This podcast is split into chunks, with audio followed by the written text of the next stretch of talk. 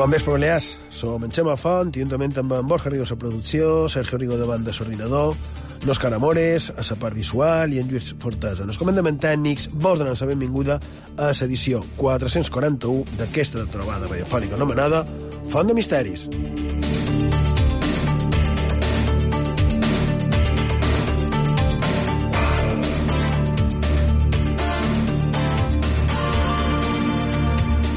Bon vespre, Borja Rigo. Bon vespre. Sergio Rigo, bon vespre. Bon vespre, Xemam. Que abans de que se m'ho s'oblidi, que demà tornem a tenir, demà diumenge, tornem a tenir edició reduïda de Font de Misteris. Eh? Mos podreu escoltar d'11 i mitja a 12 del vespre, mm, els que mos escoltau mitjançant la freqüència modulada, i si ho feis a través del sistema la carta i Vetres Ràdio o el sistema de podcast com ara Sivox, per exemple, ho podeu fer normalment on, on en Sergio ara mateix, um, ara just després del sumari, dirà.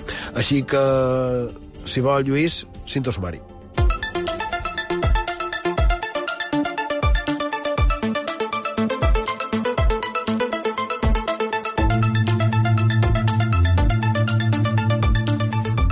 Programa 441 de Font de Misteris farem un viatge fins a l'antiguitat per conèixer el primer robot de la història.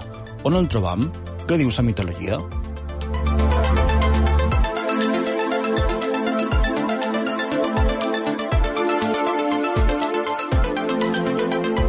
Després hi haurà una estona per conèixer increïbles transformacions al llarg de la història. És possible que una persona se converteixi en un animal? Què diuen les llegendes al respecte?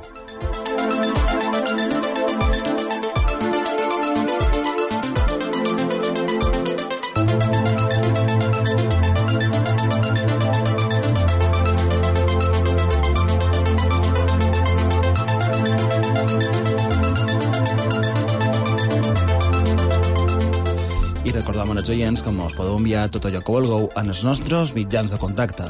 Ho podeu fer, com sempre, per WhatsApp i Telegram. El número de telèfon és 659 769 52.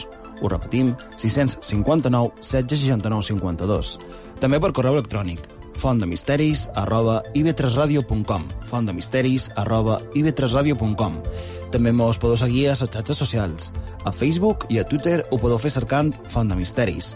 També a Instagram, allà mos sobreu cercant Font de Misteris i B3. I si voleu podeu recuperar tots els nostres programes d'aquesta onzena temporada i de les anteriors. Ho podeu fer en el servei la carta d'IV3 Ràdio, a ib3radio.com, a les diferents plataformes de podcast i a la nostra web, fontdemisteris.com.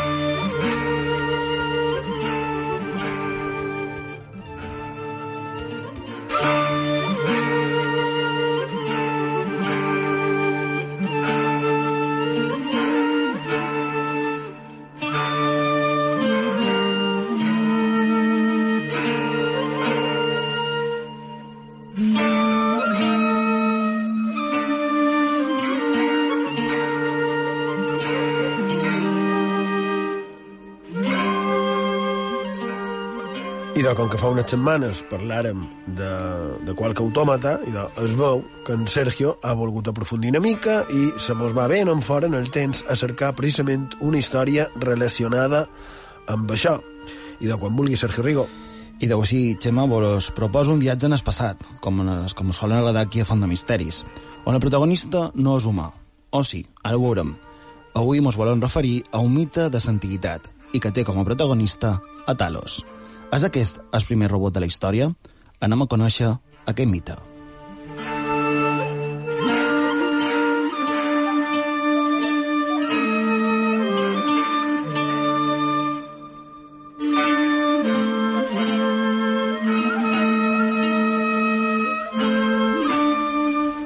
Hefest era el déu del foc i els invents, armer personal dels déus i herois de l'Hèleda i el millor ferrer que es podia tenir. Les seves creacions eren reconegudes tant per la seva bellesa com per la seva resistència, i en molt de casos propietats màgiques. Es diu que un dia Zeus va demanar a Hefest un invent que pogués protegir en el seu amant, Europa, que era la mare del rei Minos i vivia a Creta. Hefest es va tancar en els seus tallers i al poc temps va presentar a Talos un gegant amb aspecte humà, però que estava fet íntegrament de bronze. Per atorgar vida a l'ésser metàl·lic, Hefest va introduir a Talos una llarga vena que anava des del cap fins al taló dret i estava plena d'una substància mitològica, que solia identificar com a part de la sang dels déus o com un ingredient que bevien en els banquets de l'Olimp. Al taló, el gegant tenia una rosca que evitava que el líquid sortís per allà.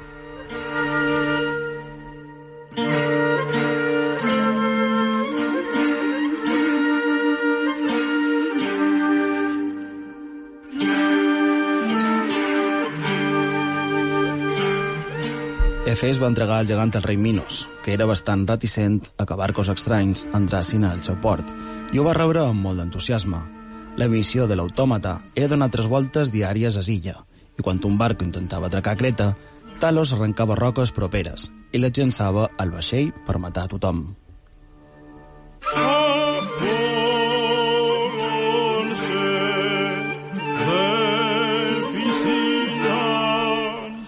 Encara que el gegant tingués molta força, Talos va trobar el seu final amb un enfrontament amb l'heroi Jason i la fatiguera Medea.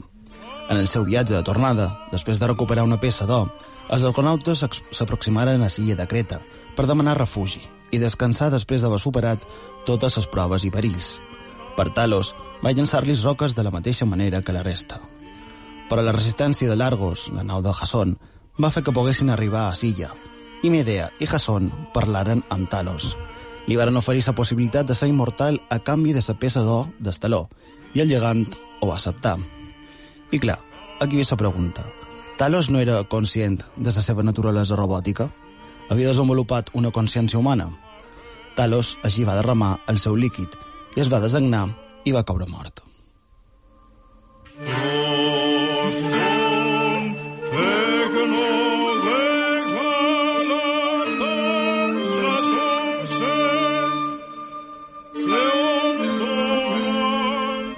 Què vos pareix aquesta història?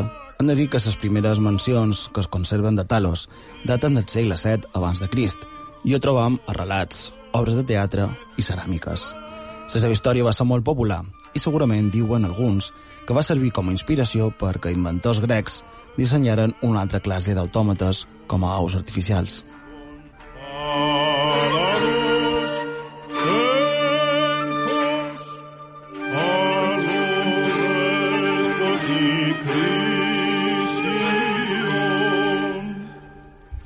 I de m'ha semblat molt xula, no? I a més, aquesta cosa de, que has dit, que has llançat la pregunta de a mem si, si és que no era conscient de la seva naturalesa robòtica, no? És, és com si fos una mena del que ara es coneix com un, un cyborg, tal vegada, no? Un, un cyborg. No sí, ho sé, però, sí. però de fa més de 2.500 anys, pel, pel que has dit, per l'ubicació que has fet eh, en el temps, no? damunt d'aquesta història, que evidentment forma part de la mitologia més que res perquè se li trobeixen capacitats en aquell autòmata que estan totalment diria jo, sobredimensionades, no? Com, com per exemple que es posava candent quan trobava enemics i els matava cremant-los d'una abraçada, no? Què vols dir? És que no sé si te vull escoltar. No, volia dir simplement que, que seria com a el, el gran precursor robòtic de tot el que vendria després, el Manco Occident. De Sí. fet, bé, sí, perquè fins i tot podria ser anterior a, altres éssers semblants com, com els golem, per exemple. Per exemple, pensava que t'anirien més cap a, als antics extraterrestres. No, deia que, mm, que sí que és cert el que deies, no? que aquesta història mm, podria haver servit per fer que altres es preocupassin de fer, d'inventar, de fabricar màquines que a dia d'avui tal vegada no imaginaríem, no, no ens creuríem que les varen fer els antics grecs, no? Com, per exemple, la màquina de vapor.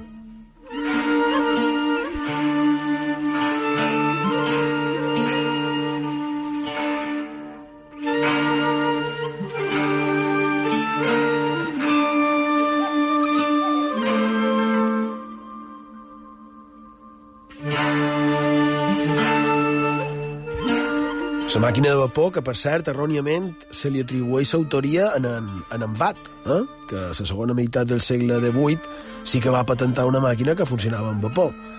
Però és que una vuitantena d'anys abans hi va haver una altra, que es denomia Thomas Savery, que a final del segle XVII també va patentar una màquina que funcionava amb vapor. Val, perfecte, però en el que anàvem, els antics, els grecs, molt d'anys abans, ja haurien emprat la força del vapor per treure-li una utilitat, com per exemple quan van tenir la invenció de la turbina.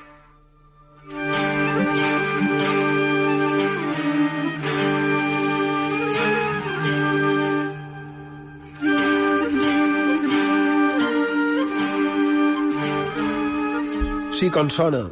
La turbina hauria estat inventada per Heron, un grec d'Alexandria de d'haver l'any, podríem ubicar-lo l'any 100, en el primer segle. I he dit inventada i, i crec que és millor dit aprofitada, perquè la força del vapor a la seva època ja era més que coneguda, però ell li va donar una utilitat. Mireu, el que va fer va ser fer com, una, com si fos una caldera amb una tapa que, que la tancava ben tancada i de que, de que sortien dos tubs, el tub s'arribaven a una boia buida que girava entorn a un eix i que tenia dos tubs d'escap. I un cap a cada banda que feien que quan la caldera es feia bullir aigua, el vapor pujava pels tubs i feia voltar la boia i, a més, d'una manera uniforme. I, clar, quina utilitat podria tenir el primer segle una boia que donàs voltes tota sola, no? I d'ara que en Sergio parlava de l'entrada de vaixells en el port, i de, per exemple, es diu que aquesta màquina servia per atiar els focs dels fars dels ports. És a dir, que fa 2.000 anys atiaven el foc amb un sistema automàtic.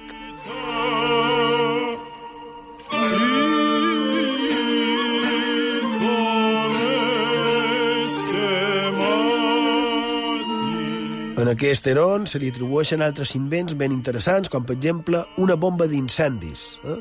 Una bomba que, accionada per una palanca, treia aigua. Eh? I no fa tant, que precisament per treure aigua es feia d'aquest sistema. Que jo crec que ho recordarem per les pel·lícules de, de l'Oest, però també els, els més majors ho recordaran, ho recordarem, per haver-ho emprat, emprat qualque vegada.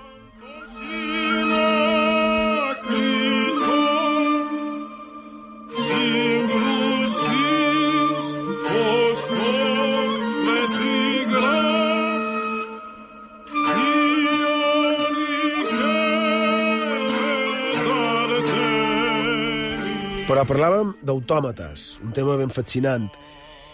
I jo no sabria dir quin és el primer del que hi ha constància, no?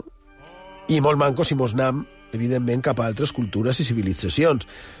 Però jo crec que un dels més antics i sorprenents podria ser aquest autòmat autòmata que s'hauria inventat per d'haver el segle III abans de Crist. Un autòmata que el que feia era donar a canvi d'una moneda un bocí de pedra pòmez, com si fos això que ara diuen una màquina de vending. Ficaves una monedeta per un foradet que accionava amb el seu pes una vàlvula que feia sortir una quantitat d'aigua que queia dins un petit recipient que, com augmentava de pes, tirava d'un cable que a la vegada tancava la vàlvula i obria una porteta per on sortia aquella pedra pòmez.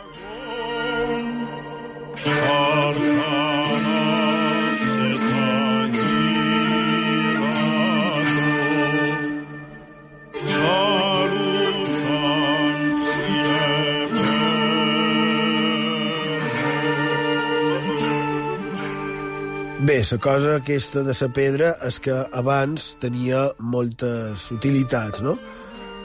Però el tema, que els autòmates, que com sempre, que podríem dir que està tot inventat, no? Això és lo, això és lo que jo penso. No sé si voleu fer cap comentari vosaltres. És una mostra una vegada més d'aquella frase que, que tantes vegades han comentat i han dit de Font de Misteris que és que eren antics però no eren beneits.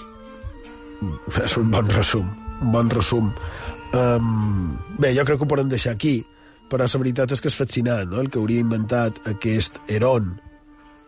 També, per exemple, un sistema automàtic per treure aigua a canvi de monedes, a part del de la, de, de la pedra pòmez, hi ha un per treure aigua, o un sistema d'apertura automàtic de portes, que aquest era molt curiós perquè funcionava amb foc i en la dilatació dels metalls, i en la dilatació feia que s'obrissin i tancassin les portes.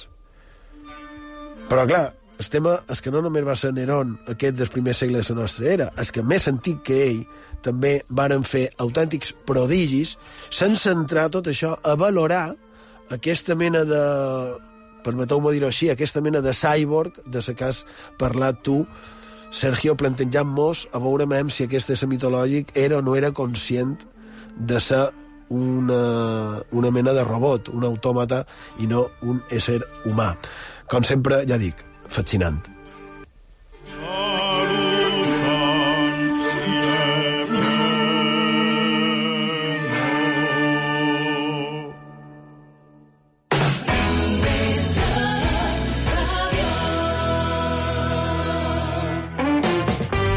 Dissabte i diumenge entra en òrbita. Òrbita 3, 3. Punxant la banda sonora del cap de setmana, aquí, a IB3 Ràdio.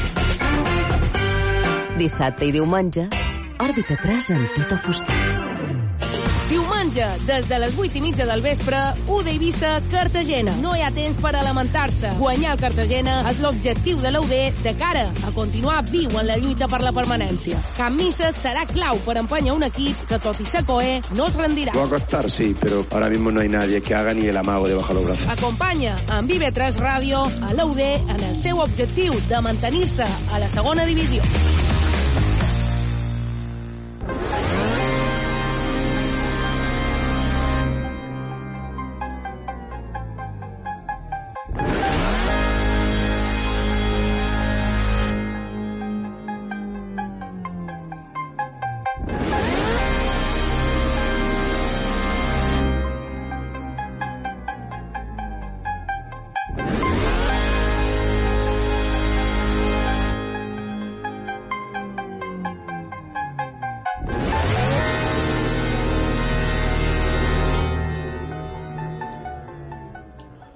Seguim a Font de Misteri, sintonia d'IO3 Ràdio, la ràdio pública de les Illes Balears. A Menorca mos podeu trobar en el 88.6 de la freqüència modulada i mos anem amb un altre tema que...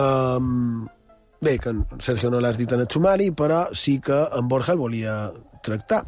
No sé si, si molt dels que mos escoltau heu sentit mai res damunt de les conegudes com a les calaveres de vidre o de, o de cristall que es varen popularitzar molt a la darrera pel·lícula de, de Indiana Jones, que precisament es deia així, Indiana Jones i el regne de les calaveres de cristall. Que per cert, la, darrera d'In- d'en Indiana Jones encara no està estrenada, està previst per enguany, eh? tot sigui dit de pas, i de que aquestes calaveres resulta que han tornat a sortir a les notícies. Borja Rigo, què ha estat? I doncs resulta que a mitjans del segle XIX, concretament l'any 1857, un arqueòleg i antiquari francès, Eugène Bobin, se va presentar en el Museu Britànic amb una dotzena de cranis de quarts que deia que venien de Mèxic o de Guatemala. I lo sorprenent és que va assegurar que tenien milers d'anys d'antiguitat, que més podien curar malalties i canviar el destí del seu propietari que certament, crec que estareu d'acord, no és poca cosa. Clar, això sona estrany i sona de gran mentida, però resulta que Bobin era, es diu, especialment crític en el tema de les falsificacions i a més tenia molt bones credencials. Si atenem, però, a l'article publicat aquest dies per Josep Guijarro a la web Espacio Misterio de la revista Año Cero, en realitat tot allò va ser un muntatge que s'ha allargat durant segle i mig.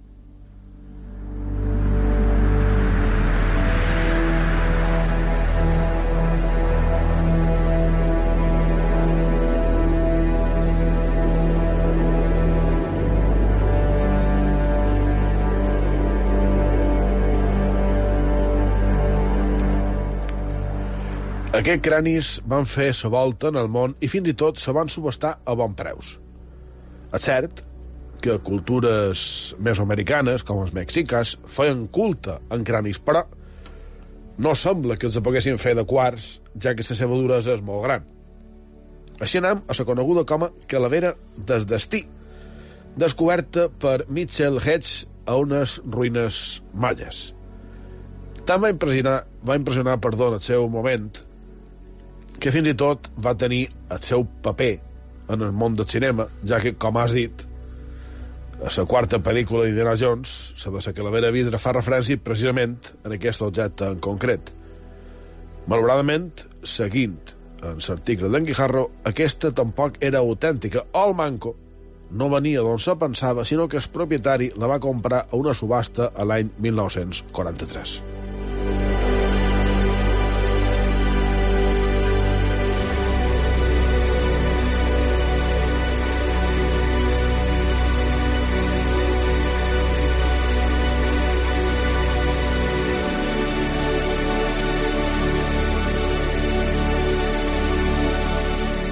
Així, tota aquesta història que ara he resumit molt ràpid és falsa? Tot el tema de les calaveres de cristall o de vidre és una invenció? I de la resposta podria ser una mica ambigua. Sí i no. Si voleu, m'explic. Seguint en l'article, fa un temps, uns investigadors espanyols, en Joseba Orraca i Nacharo Lozano, van rebre l'encàrrec d'estudiar un altre crani d'aquests que, si uno mira, pareix d'un ésser d'un altre món per la forma allargada que té i pels ulls enormes. I de bé, malauradament no ve de més enllà dels estels, sinó de la Terra. De fet, ni tan sols se pot concretar l'origen exacte, perquè també ve d'una tenda. Tampoc se pot, se pot datar com a, com a tal, per d'altra banda, els investigadors han descobert que és una peça antiga, i aquí ve la sorpresa. Per com està feta, se creu que se va anar polint de manera manual no durant dies o mesos o anys, sinó durant generacions senceres. I aquí ve la pregunta o les preguntes. En quina finalitat? Recrea la imatge dels seus déus? I si és així, tenien aquest aspecte per escut a humà però no humà? I d'on venien?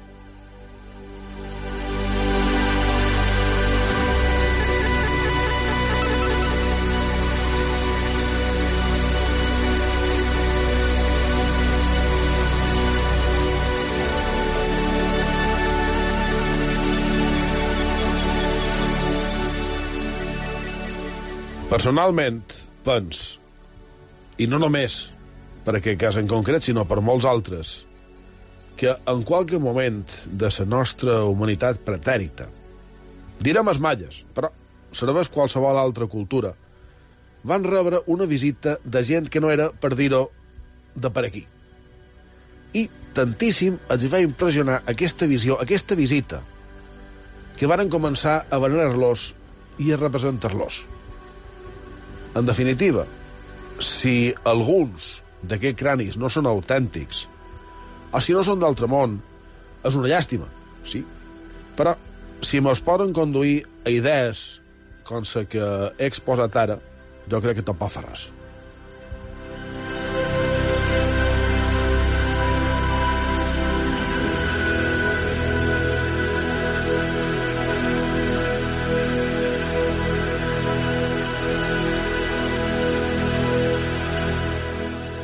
I de Sergio, en el final sí que no ho ha dit en l'autòmata que tu has comentat, però en el final sí que ha parlat de los, els alienígenes ancestrals. No podia faltar un programa de Font de Misteris, per favor. Per favor, sí.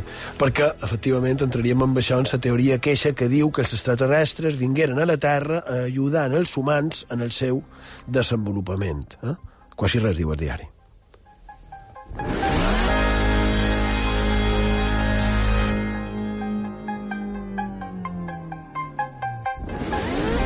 I damunt d'aquestes curioses peces, no?, de les calaveres de, de vidre o de cristall o de quarts, la veritat és que dins dels cercles del misteri s'ha escrit molt i he cercat així per sobre la meva biblioteca, però cercant qualque obra que fos anterior a la pel·lícula que han comentat en Indiana Jones, perquè crec que pot ser un detall important, no?, per saber què deien abans, abans de la influència de la pel·lícula.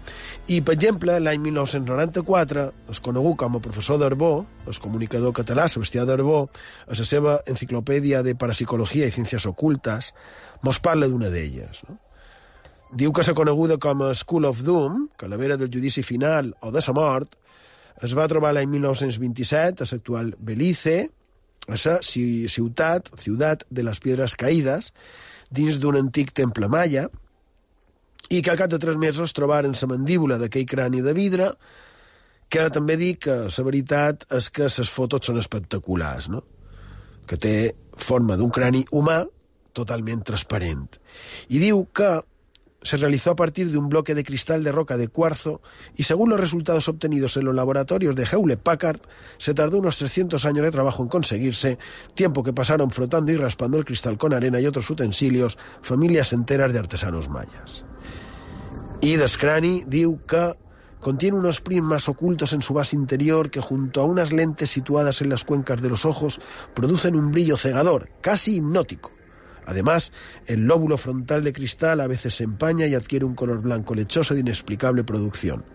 En otras ocasiones, todo el cráneo emite unos reflejos luminosos de tipo áurico, cuya visión causa la impresión de ser un anillo luminoso. És a dir, una preciositat fascinant. Eh? I en quina utilitat s'hauria fet aquesta meravella? I de recordem el seu nom, eh, d'aquesta precisa de la que estic parlant i que tu has comentat també l'has citada, eh, el seu dona una pista, ¿no? La calavera de la muerte era una obra artísticamente perfecta, sin embargo su objetivo no era este, sino la representación del mal.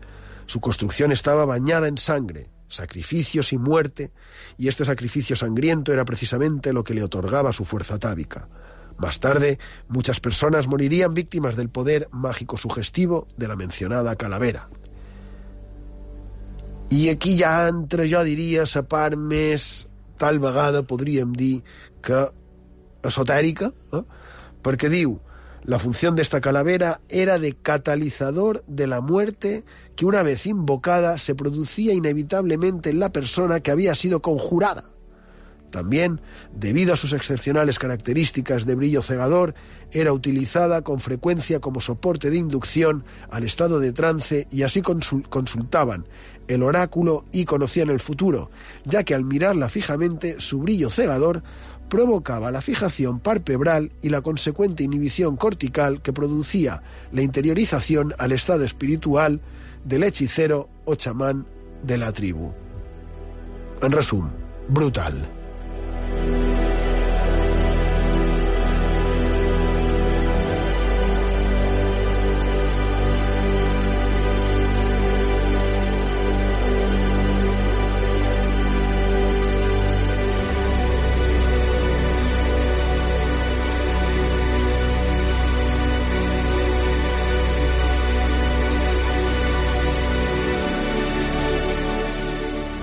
ja per acabar, aquest article d'en Sebastià d'Arbó damunt d'una d'aquestes calaveres de vidre, perquè n'hi ha més, i de, diu que hi ha dos enigmes. Com se feren sense tecnologia i sense eines adequades per fer-la, i per altra banda, l'altre enigma diu que és el extraordinario conocimiento anatómico que debían tener los mayas para la realización de tal obra. Aquí sí que no, no sé jo aquest extraordinari coneixement anatòmic per fer una calavera... no ho sé.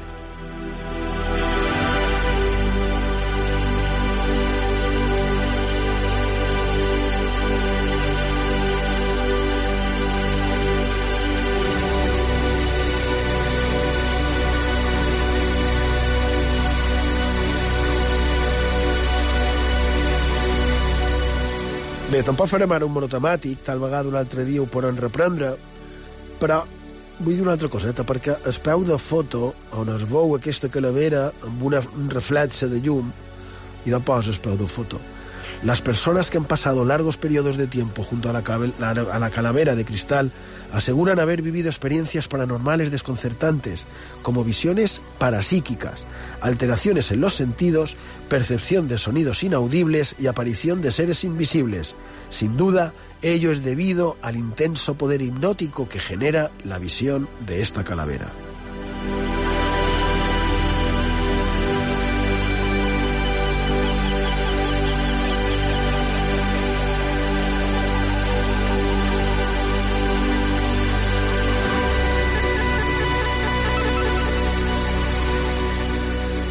Bé, lògicament hi ha molta bibliografia al respecte, també on es diu que tot és un frau, que ja per l'any 10, 2010, com a mínim ja es deia, i es deia que un estudi de 1996 demostrava que estava feta amb un torn de, de joier.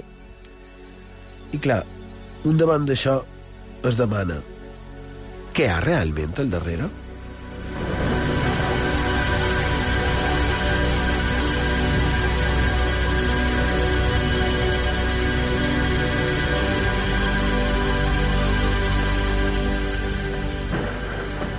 Clar, és que si parlam d'una calavera amb totes aquestes atribucions eh, màgico-taumatúrgiques, si voleu, raro seria que no aparegués la hipòtesi que l'invalida per complet. És a dir, és, és un objecte massa especial, massa màgic, massa estrany, massa desconcertant, massa d'un altre món, com perquè pugui ser... En Sergio riu, però és que perquè pugui ser acceptat així com així. No dic que sigui autèntic. No, m'ha sorprès perquè abans has dit que la resposta perquè m'he apuntat la paraula perquè has dit ambigua, la resposta, la possible eh, certesa, de, o, sigui, o sigui, que sigui certa, que no sigui un frau, que sigui falsa, eh, has dit que la resposta era una mica ambigua, quan jo pensava que directament diries que era totalment certa i, i totalment vàlida, no? Però bé, Sergio Rigo. Sigui autèntic o no, en Borja està fent de xons per allà darrere. Sí, no sé, no sé si estan entrant pel micro. En, en Lluís li ha teat el micro, però igual estan entrant els Uh, setgems. sigui veritat o no, jo demà crec que veuré Indiana Jones, per les 4, jo crec que tens temps. Di I- directament, Directament, ara m'han entrat moltes ganes. Hombre, ara, ara eh, demà, a part de preparar el programa de demà vespre, mm, fa dia amb aquesta fredor i això... I la tempesta que estem escoltant de fons, també és la música. A, a, a més, no? però fa, fa dia d'estar en el sofà veure pel·lícules. I, I sí, Indiana Jones és una bona elecció i si qualcú veu aquesta pel·lícula, que s'ho prengui, evidentment, com, com s'ha de prendre. Com a mínim, com una cosa, podríem dir que ambigua.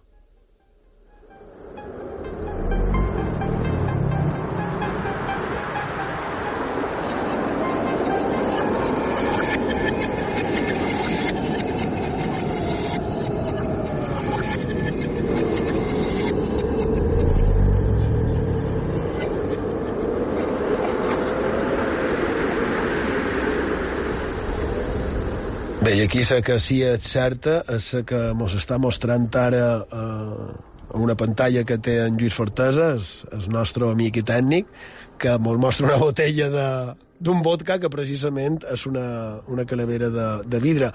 Aquesta sí que realment és, és autèntica, no? Però en aquest cas, d'aquestes calaveres de vidre que han comentat, com sempre, que cadascú tregui les seves conclusions. I seguim ara amb el tema de les aparicions i transformacions d'animals, eh, que això sí que ho has dit en el sumari, i volia reprendre-ho en el darrer que, que vàrem estar contant. Ja sabeu que, com sempre, ho teniu en el vostre abast a la plana web d'IV3 Ràdio i a les plataformes de podcast com a iVox. Eh? Però és igual, perquè al cap i a la fi podem dir que el que feim a Font de Misteri són capítols independents, no? en, en l'única pretensió de, de cercar curiositats i passar una estona entretinguts. No hi ha cap altra pretensió i per això normalment la continuïtat no és eh, important. Eh? com, com dèiem fa anys, no? Eh, quan veiem una sèrie a la televisió que dèiem però és dels que comencen i acaben, no? I això ve a ser el mateix. I com vaig dir en el darrer programa, i això està estret del llibre La història de los fantasmes, d'en Roger Clark, Diu, resulta lo más habitual que alguien que acaba de perder a un perro o a un gato muy querido afirme haberlo visto. También existe la creencia popular de que las mascotas pueden sentir a los fantasmas y abundan las historias de gatos, perros y también de niños que se quedan mirando a una presencia invisible que desciende por unas escaleras o que atraviesa una habitación. Se diría que la mente sin prejuicios es la que ve fantasmas.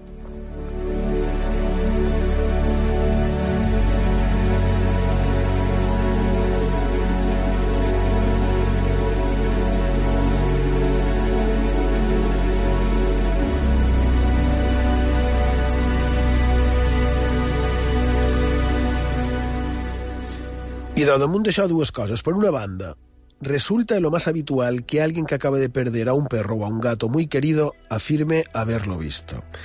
I de mirau que vaig trobar a un diari de 1892. Deia l'article Paso para terminar a describir la aparición de un perrito difunto y dejo la palabra al narrador, que es un inglés, yo me contento con traducir sus frases. A una señora amiga mía se le murió un perro que quería muchísimo. Pocos días después de su muerte le reemplazó por otro muy bonito. Un día que se encontraba sola con su nuevo favorito, levantó los ojos de la labor y no fue poca su sorpresa al ver el espíritu de su antiguo perro.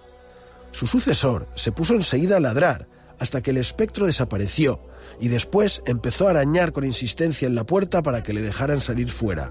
Su ama se apresuró a abrirle y el perro salió como loco, corriendo directamente al sitio del jardín donde su predecesor había sido enterrado.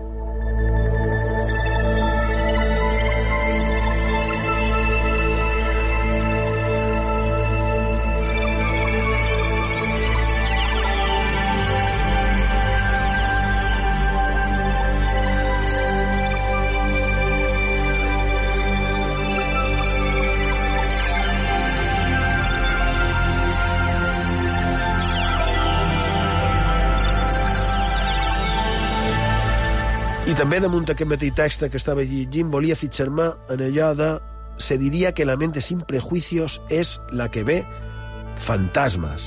Eh? Jo crec que aquesta frase, no sé si ho vaig dir setmana passada o no, no ho sé, no me'n record, tant se fa, però és una frase digna de ser anotada per comentar en una altra ocasió. La mente sin prejuicios és la que ve fantasmes. I segueix el llibre la història de los fantasmas de Roger Clark diu los perros y los caballos sin cabeza son motivos de historias de terror decimonónicas. Hay también otros animales folclóricos, como pájaros o liebres, que en el siglo XVII eran tomados por brujas capaces de cambiar de forma o por augurios de algún poder sobrenatural invisible. Se cuenta que en el Punch Bowling de Lanreth, en Cornualles, un clérigo regresó adoptando la forma de un diabólico gallo negro,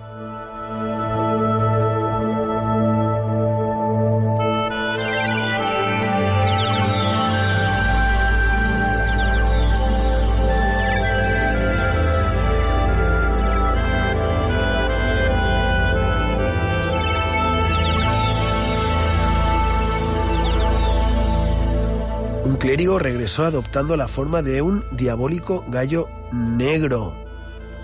Un gall tal vegada com el que mos va contar Isidoro Macavich a la seva història d'Eivissa?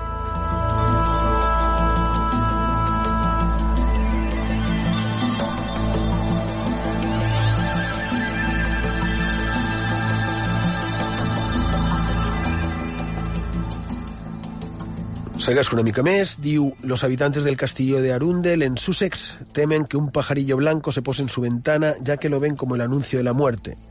El juicio de las brujas de Pendle en 1612, que tuvo gran influencia en el posterior juicio de las brujas de Salem en Estados Unidos, contó con pruebas de un espíritu familiar, ¿no? que serían los familiares, llamado Tip, que se aparecía como un perro pardo, una liebre y también como un gato. Hablando de la bruja Elizabeth Demdike, se diría enfadado el mencionado espíritu, por lo que la empujó o la tiró a la acequia. De ahí que ella desparramase la leche que llevaba en un recipiente o un tarro, y así fue que el espíritu se desvaneció de su vista en aquel instante, pero inmediatamente después de esto, dicho espíritu se le volvió a aparecer en la forma de una liebre, y así marchó con ella por un cuarto de milla, aunque nada le dijo la liebre a la mujer, ni ésta a la liebre. Esta colisión de animal y espíritu es una ancestral marca distintiva en la cultura humana.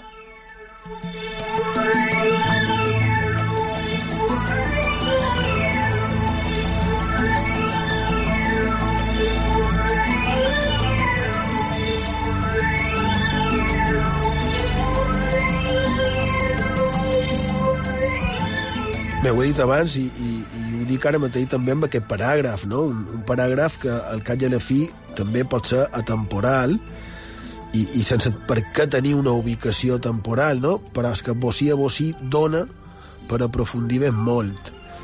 Però no aprofundirem amb això, anirem amb altres casos. Borja Rigo, que sé que en tens apuntats, que, que també ho vàrem dir la setmana passada, crec, que, que tu també seguiries.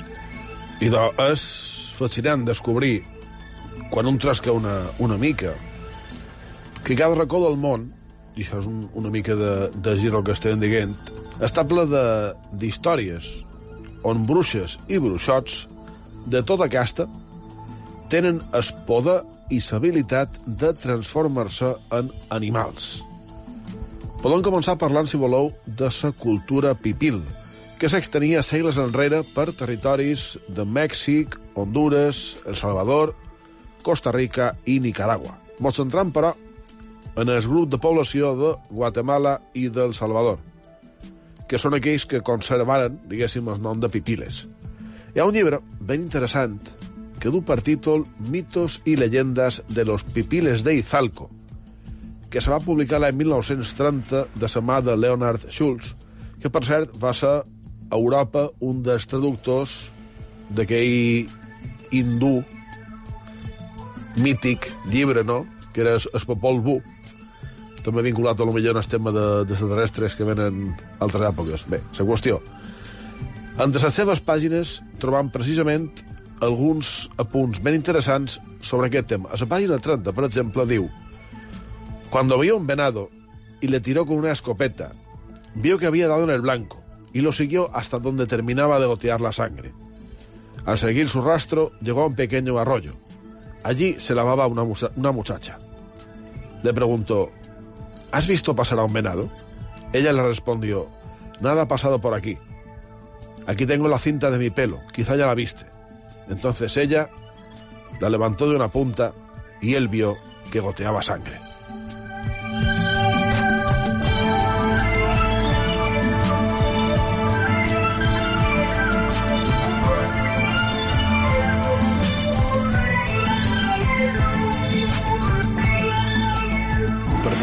No, no era hindú. més que res per fer incís, no? Perdona'm, però... No, no però era, sí. no era hindú, És que- evidentment. És que justament eh, avui hem estat parlant de les calaveres de, de cristall, Precisament de està més vinculat amb aquella terra que no s'altra. Efectivament, el Popol Vuh era el llibre sagrat, podríem dir, dels, de la cultura, podem dir, maia, la cultura maia eh, precolombina, etc. tindrien aquest llibre, que a més és molt interessant perquè té coses molt curioses, no? com per exemple la inundació, és dir, un diluvi universal, etc etc. És molt interessant el Vuh. O sigui, m'he- equivocat, he tingut un lapsus de- d'ubicació cultural, diguéssim, però no amb allò que deia que se pot vincular també en el tema de, de déus venguts del cel i de més. No, per això m'ha estranyat i ara li demanava en en, en, en Sergio Men si havies dit hindú, hindú per, per això, però res, res, res, perdona, segueix, segueix. Bé, una mica més endavant, a la pàgina 40, diu qualque cosa més. Diu, por eso, cuando el muchacho dijo que él desearía todo, se dio cuenta que la serpiente misma era el viejo, que la serpiente se convertiría en el viejo. Le dio huesecitos de cada uno y también plumitas, y dijo, esto es para el caso de que tú quisieras algo que necesites. Con una plumita verás que podrás volar. Verás que te puedas convertir en cualquier pájaro que desees.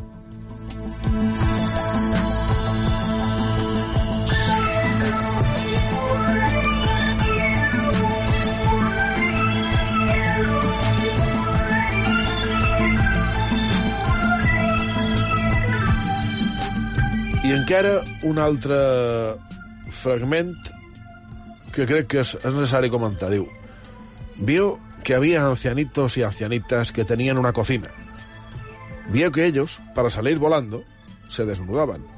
Para poder salir volando, vio que había un arbolito. Este, cuando ya pueden volar, lo circundan hasta llegar a la cima.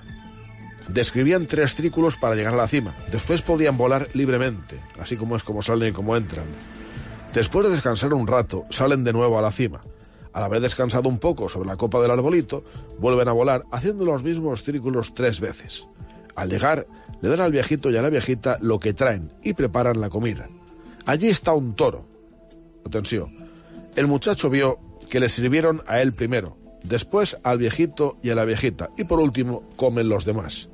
Vio que el toro podía transformarse en cualquier cosa que deseaba y que también podía hablar.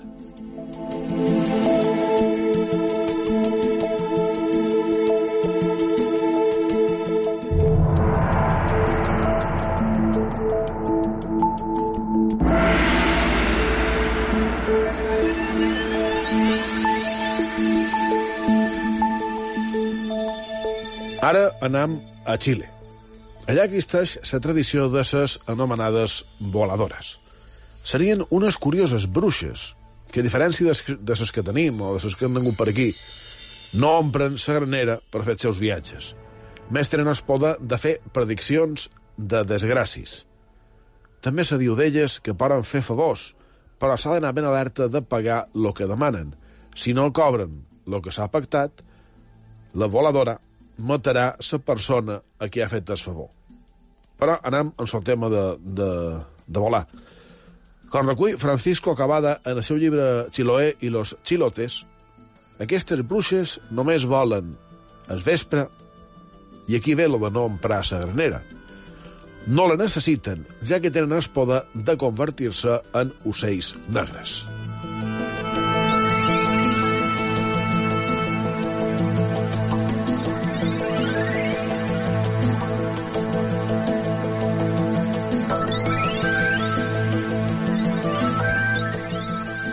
I fa unes setmanes parlàvem de Sant Pere i dels seus miracles. I no és que sapiguem que aquell antic pescador que se va tornar després papa tenia el poder de transformar-se en animal. Però qualcú de seu voltant, per ventura sí. Se tractaria del seu gran enemic en els darrers temps, de ves l'any 65 de la nostra era. Se tracta d'un home que se deia, o que li deien Simó Esmac, samarità, i suposat messies i en capacitats taumatúrgiques increïbles. Si anem a les homilies de Sant Clement, segle III, entre elles tenim la de fer caminar les estàtues, convertir les pedres en pa, ficar-se dins el foc sense cremar-se, i ara sí, convertir-se en animal. Se podria convertir en serp o en ca. I, a més, podia volar. Però tot això no li va servir gaire, perquè durant una exhibició de vol davant l'emperador Neró, Sant Pere va fer-lo caure en el seu poder diví i poc després va morir.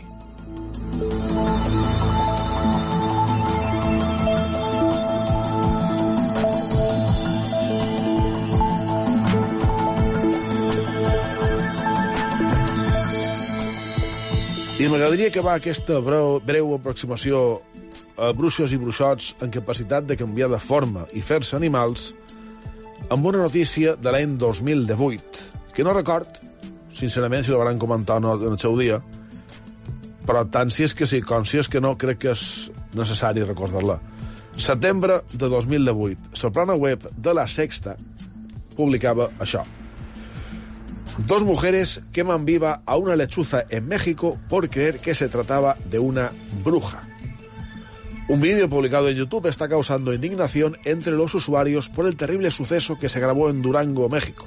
En él se muestra a una lechuza aparentemente quemada por dos mujeres que la acusan de ser una supuesta bruja.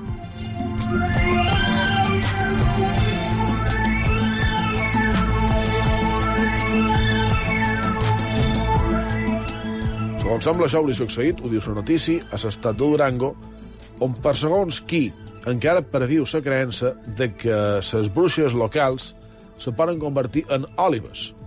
Fins i tot se creu, o se creu, que si una d'aquestes òlives se posa damunt una casa i comença a fer renous forts, vol dir que algun dels habitants d'aquella casa morirà aviat.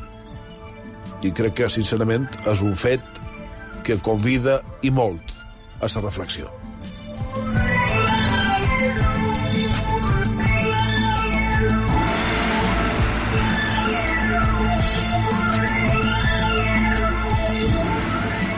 Això que ha contat en Borja, me recorda molt a, a la llegenda darrere l'escut o a la rata pinyada que surt a l'escut de l'Ajuntament de Palma, d'una bruixa que se transforma en una rata pinyada.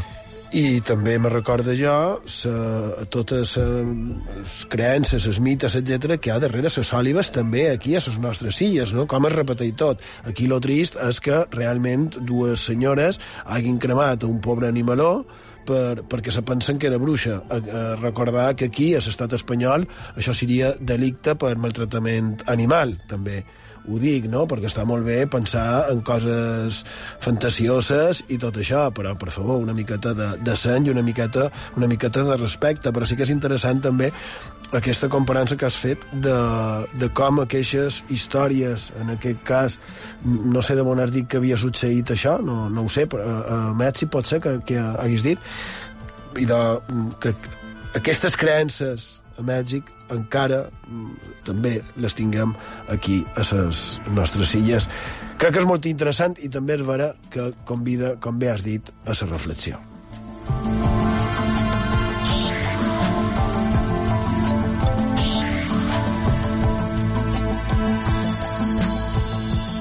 Bé, convida a la reflexió i a seguir, jo crec, trascant i cercant més històries, no me digueu. Jo crec que això és un tema apassionant que va començar perquè Níker Hernández, el nostre company tècnic, el saludam des d'aquí perquè aquí el tenim, um, mos va començar a parlar d'animals, i d'animals mos hem anat desviant i de quina manera, no? Mos va fer una aproximació a porcs en flames. Exactament, i fixa't... Això va fer tres mesos, més o menys. Sí, des del principi de temporada, fixa't-hi. No, i l'altre dia, que ja ho vaig dir també la setmana passada, mos va donar una altra, una altra idea, no? I, i també l'hem de desenvolupar, però jo no sé si seguirem amb això.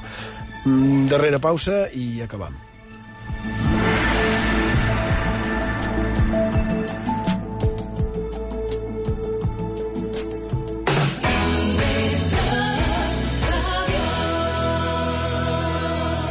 Dissabte i diumenge, la informació continua actualitzada a les 8 del matí i a les 2 del migdia als informatius cap de setmana de la ràdio pública.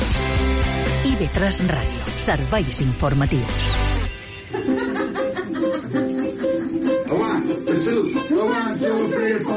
Per ser pallasso d'hospital necessites tres requisits indispensables. Un és ser pallasso, el segon és tenir alegria de viure i el tercer tenir estabilitat emocional. La gran vida, el magazín dels caps de setmana de 9 a 12 a IB3 Ràdio.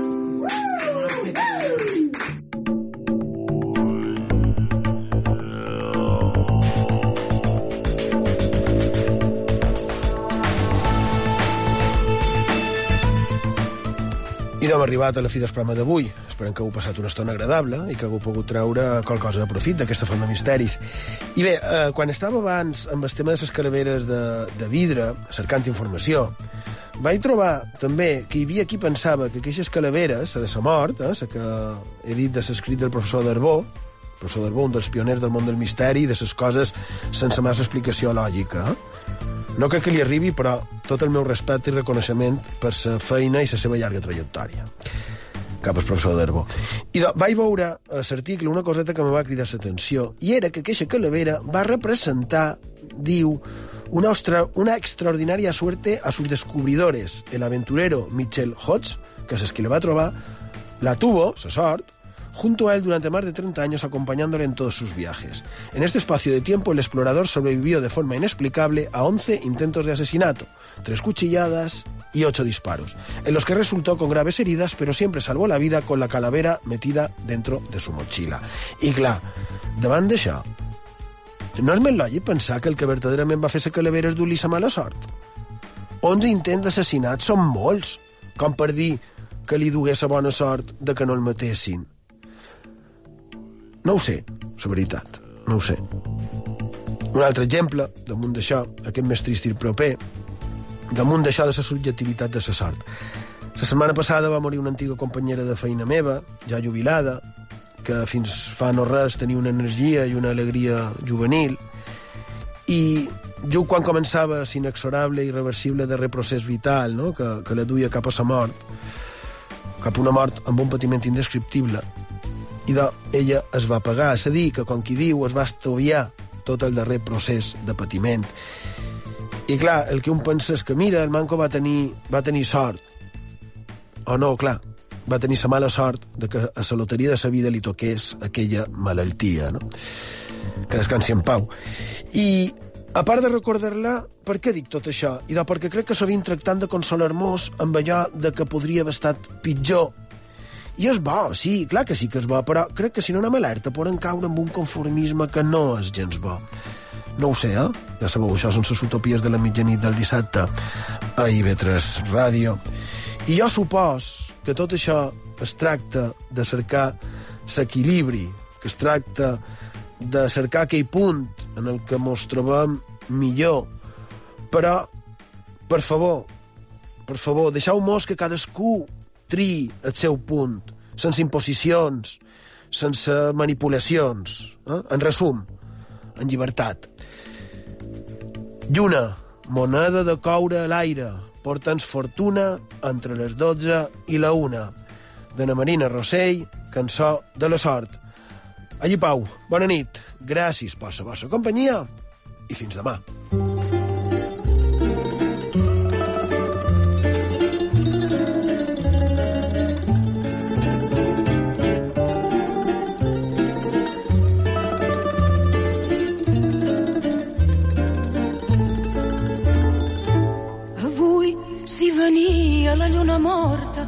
cantaria que truca a la porta. I si ens arribàvem gep a ponent, l'amor cantaria encara creixent.